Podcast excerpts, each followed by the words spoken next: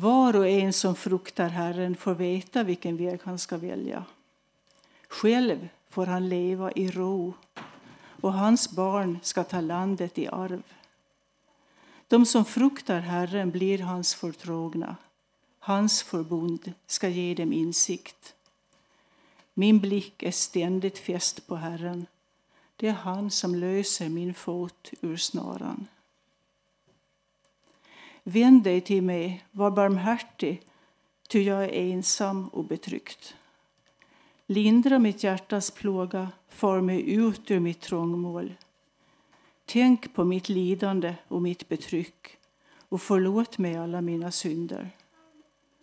Se på mina fiender, så många de är, så hetska i sitt hat. Rädda mitt liv, befria mig, svik mig inte, jag flyr till dig. Låt oskuld och redlighet bevara mig, ty jag hoppas på dig. O Gud, befria Israel från all dess nöd. Vi ber. Gud, du som är vår tillflykt när ondska och vanmakt drabbar oss. Vi ber om vishet, läkedom, mod och styrka och att i ditt namn bekämpa det onda och tro på dina möjligheter. I Jesu namn. Amen. Hej. Jag heter Jonas. För er som är några ansikten jag inte känner igen så presenterar jag mig lite kort. Det är Jonas Weide och eh, är uppvuxen här i församlingen och eh, sedan några år tillbaka har flyttat hit med min familj. Och jag brukar få förtroendet att predika lite grann ibland. Och eh, dagens tema som Katarina sa kan kanske vid första anblicken tänkas vara rätt så tungt, rätt så svårt. Eh, men eh, precis som de här sångerna vi har sjungit nu så det som händer när vi vågar prata om det svåra och tunga så föds också ett hopp. Så eh, jag har gett den här predikan eh, titeln Ett trotsigt halleluja. Och det är lite så jag tänker att jag hoppas att vi får med oss efter den här predikan att det föds ett, en lust att liksom sprida god, godhet i en trasig värld. I eh, veckan som gick så har jag följt eh, en rapportering från Ukraina eh, genom min vän Emanuel Karlsten som ni också många av er känner till. Han är journalist och Ehm, åkte ned till eh, den polska gränsen eh, i eh, början av veckan för att rapportera helt enkelt från flyktingströmmen där. Och eh, han skrev en text eh, utifrån eh, några bilder som han hade tagit som grep tag i mig. Så jag tänkte jag skulle läsa den texten i sin helhet. Går över gränsen till Ukraina, till Polen, från Polen samma väg som alla flyktingar. Vid första passkontrollen så står en man i eh, 20-årsåldern och försöker ta avsked av sin fru och ett år gamla dotter. Han gråter. Det gråter. Det är hjärt hjärtskärande, det värsta avsked jag sett. Jag tittar bort, blinkar bort, men översättaren tar kontakt och frågar vad de ska. De vet, de vet ingenting. De vet inte om de någonsin kommer ses igen. Och bebisen, som bara tittar förvirrat omkring medan pappa pussar. Gång på gång pussar. Vi kommer snabbt genom passkontrollen, ut på andra sidan, genom smala passager. Där börjar en pianoslinga eka över den karga markerna. Har någon satt på musik? Jag går ifatt en kvinna som tagit med sig fem hundar över gränsen en i koppel, fem i bur. En säkerhetsvakt hjälper en att köra vagnen in genom portarna. Nu är vi formellt inne i Polen. Händerna från en soldat från franska armén är det första som möter oss.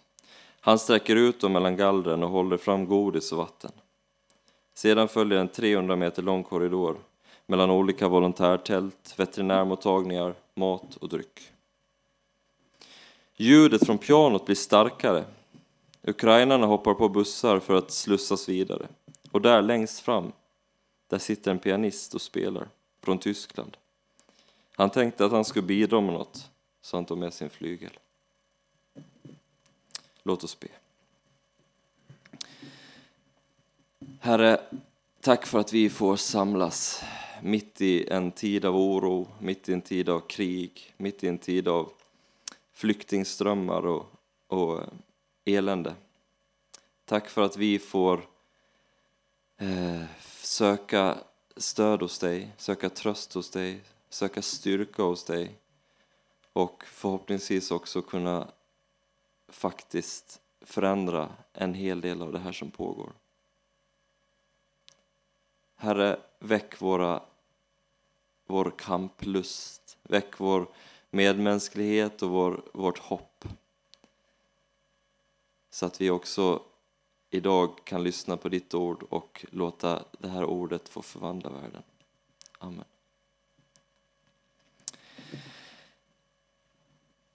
Sällan har det här temat, kampen mot ondskan, varit viktigare och kanske passat bättre. Eh, och eh, när vi skulle förbereda den här eh, gudstjänsten så pratade lite med Katarina här i början av veckan och hon sa att alltså den här texten från Gamla Testamentet den är ju precis som att läsa en liksom, nyhetsrapportering, höll jag på att säga. Den passar så bra in. Så vi ska faktiskt, jag ska faktiskt predika utifrån Jesaja idag. Det är inte så ofta vi tar de här gammaltestamentliga texterna, men den är eh, väldigt, väldigt passande idag. Och precis som att den här texten vi ska läsa nu också är mörker och elände så kommer vi idag faktiskt få se det här Guds trofasthet och att i mörkret så föds den här motståndskraften, ett trotsigt halleluja. Vi läser från Jesaja, det 59 kapitlet och 14 versen. Rätten trängs tillbaka, rättfärdigheten stannar på avstånd, ärligheten snubblar på torget. Redbarheten kan inte komma fram. Ärligheten har gått förlorad. Den som skyr det onda blir plundrad. Herren såg med misshag att det inte fanns någon rätt. Han såg att ingen trädde fram och häpnade över att ingen ingrep. Då gav hans styrka honom seger. Hans rättfärdighet var hans stöd. Han klädde sig i rättfärdighetens harnesk och satte segerns hjälm på sitt huvud. Han klädde sig i hämndens dräkt och svepte sig in i harmens mantel. Med vrede lönade han sina fiender för vad de hade gjort. Han vedergällde sina ovänner. Han vedergäller fjärran länder. Från öst till väst ska man frukta Herrens namn och, från, och hans härlighet, när han kommer likt en våldsam flod som Herrens vind driver fram. Han kommer till Sion som befriare, till dem i Jakob som upphör med sina brott, säger Herren. Detta är mitt förbund med dem, säger Herren. Min ande som fyller dig och mina ord som jag lagt i din mun skall alltid bli kvar hos dig och dina barn och dina barn, barn, dina barns barn, säger Herren, nu och för evigt. Så lyder Herrens ord. Profeten. Jesaja var ju en profet som levde på 700-talet före Kristus i Israel. Eh, det här var ju också en tid av väldigt mycket konflikter. Det var, Israel var ansatta både av Babylonien och Assyrien och krigen avlöste varandra. Dessutom så hade folket vänt sig från Gud och eh, de eh, fattiga förtrycktes och kärleken till pengar och till makt och, var rådande. Och profeterna i Gamla testamentet fungerar liksom som en slags kompass i Guds frälsningsplan. För mitt i allt elände, mitt i öknen, mitt i det som på något vis upplevs som dött och ont, så kunde de urskilja med Guds hjälp sånt som på kort sikt kanske gav tillfredsställelse och eh, ja, på något sätt, men, men på lång sikt fick ödesdigra konsekvenser för både omgivningen och dem själva.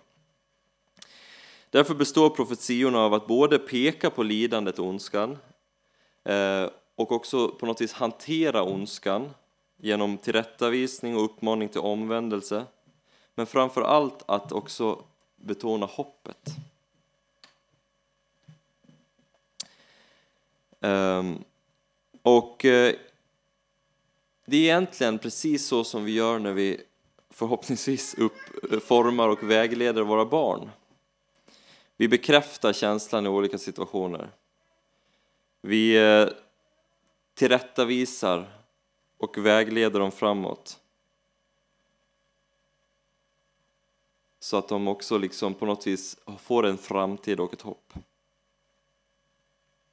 Och I dagens text kan vi se de här tre olika delarna. Först bekräftandet av lidandet. Rätten trängs tillbaka. Ärligheten har försvunnit.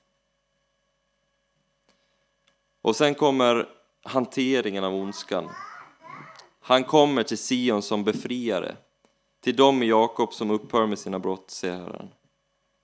Och till slut förmedlandet av hoppet. Detta är mitt förbund med dem. Min ande fyller dig och mina ord som jag lagt i din mun ska bli kvar hos dig och dina barn och dina barns barn för evigt. Nu och för evigt, säger Herren. Och apropå hoppet så är ju Jesaja sprängfyllt med förutsägelser om Messias.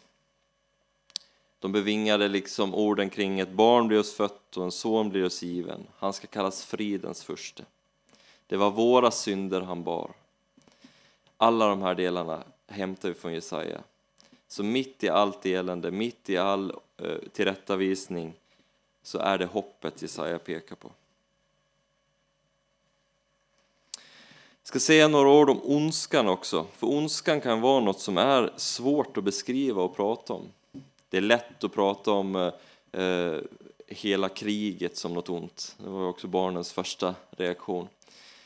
Men ondskan kryper också in hos oss på olika sätt. I våra relationer, i, våra, eh, ja, vard, i vår vardag på olika sätt. Inte i den utsträckningen kanske som i kriget, men ändå. Och det man kan säga om man ska göra en kort biblisk beskrivning av ondskan så är det när Gud skapade världen så var allt gott. Då fanns inte ondskan. Men när människan vände sig bort från Gud så kom ondskan in i världen. Och Man kan säga att ondskan är de krafter som drar oss bort från det som vi är designade för, från det som var tänkt från början. Och dagens episteltext från Efesierbrevet som Katarina i början av, av gudstjänsten också läste ifrån, så, står, så beskriver Paulus ondskan på det här sättet.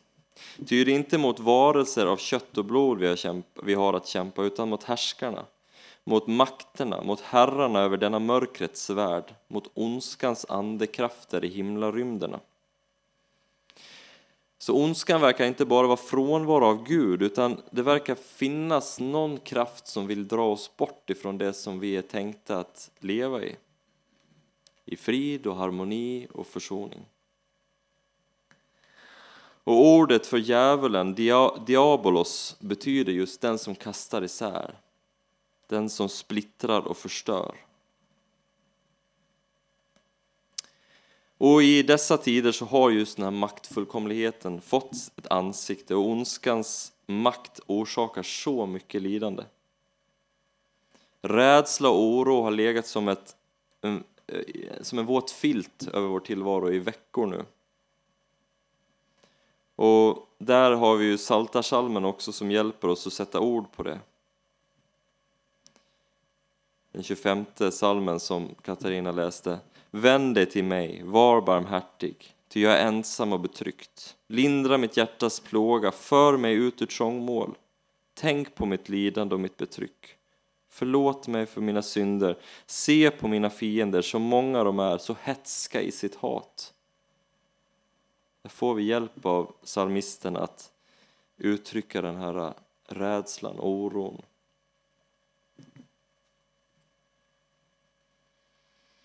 Vad är det då att ha en profetisk röst eller att vara profet i en ond värld? Och vad har vi som kyrka för uppdrag? I senaste numret av Pilgrim, som är en, en eh, skrift som ges ut fyra gånger per år, så beskriver Anders Piltz en, att ett liv levs alltid i spänningsfältet mellan oförsonade. Han menar att konflikten, alltså krisen, är ofta en katalysator för utveckling och för oss framåt. Det vet vi ju själva att när vi löser en, en, en, konflikt eller en oförrätt eller så, så kan vår relation till den andra personen fördjupas. Och eh, vi blir mer formade av varandra. Eh, och i en trasig värld så är ju Maripolos ruiner kanske får symbolisera ytterligheterna för den här splittrade, trasiga eh, ondskan. Eh, och, men där också våra liv kan bli splittrade. Och i det på något sätt så ser vi att det faktiskt föds nya saker. Vi kan inte säga att det finns någon mening med ondskan, men vi kan se att händer sträcks ut när ondskan också liksom eh, blir tydlig. Och faktiskt att medmänskligheten kanske aldrig har varit större än vad den är just nu. Och under fastan som vi är mitt inne i nu så ransakar vi oss själva så ser vi att vi ständigt dras mellan de här olika konflikterna. Kanske också mellan konflikter med go mellan goda ting, men att vi också sårar andra. Vi förstör och bryter ner oss själva. Vi gör saker som på kort sikt ger oss tillfredsställelse, men på lång sikt kanske för oss i fel riktning. Det fina någonstans i det här är att vi är skapade till Guds avbilder. Vi är designade för någonting annat, att leva i försoning. Och det har lagts ner en längtan efter en helhet, efter frid. Och längtan efter paradiset där inga tårar finns och där alla krig är slut. Och längtan är den här törsten, den här katalysatorn som driver oss att faktiskt orka kämpa trots allt. Och det sätter oss i beroende med skaparen och det sätter oss också i rörelse att med Guds hjälp steg för steg rädda den här världen. Det är det vi ser vid den polska gränsen, en hand sträcks ut. När mat skänks, eller det lastbilar med förnödenheter kommer, eller det tonerna från en flygel trotsigt vägrar låta ondskan vinna. Det är där godheten segrar. Det är liksom den längtan efter helhet, efter frid som driver oss att faktiskt göra förändring. Det är den längtan som också driver ut all rädsla och oro.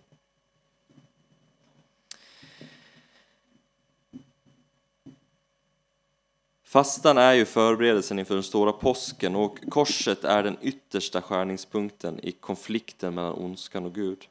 Mitt i det oförsonade, mitt i hatet, så tar han allt det oförsonade på sig och besegrar ondskan. Kampen mot ondskan är inte vår, den är redan vunnen. Så ta Guds ord eh, förmedlade genom Jesaja i det 57 kapitlet när han skriver så här. Nej, detta är inte den fasta jag vill se. Utan då har han beskrivit tidigare att, att de späker sig och, och gör olika saker mer för sin egen skull. Utan den fasta jag vill se är att du lossar orättfärdiga bojor, sliter sönder okets rep, befriar de förtryckta, krossar alla ok. Dela ditt bröd med den hungrige, ge den hemlöse stackare husrum. Ser du en naken så klä honom. Vänd inte dina egna ryggen då bryter gryningsljuset fram för dig och dina sår ska genast läkas. Din rättfärdighet ska gå framför dig och Herrens härlighet gå sist i ditt tåg. Då ska Herren svara när du kallar, när du ropar säger han, här är jag. Om du gör slut på allt förtryck hos dig, hot, hån och förtal, om du räcker ditt bröd åt den hungrige och mättar den som lider nöd, då ska ljus bryta fram för dig i mörkret och din natt blir strålande dag. Herren ska alltid leda dig. Han mättar dig i ödemarken, han ger dig styrka åt, han ger styrka åt benen i din kropp. Du ska bli som en vattenrik trädgård, en oas där vattnet aldrig sinar.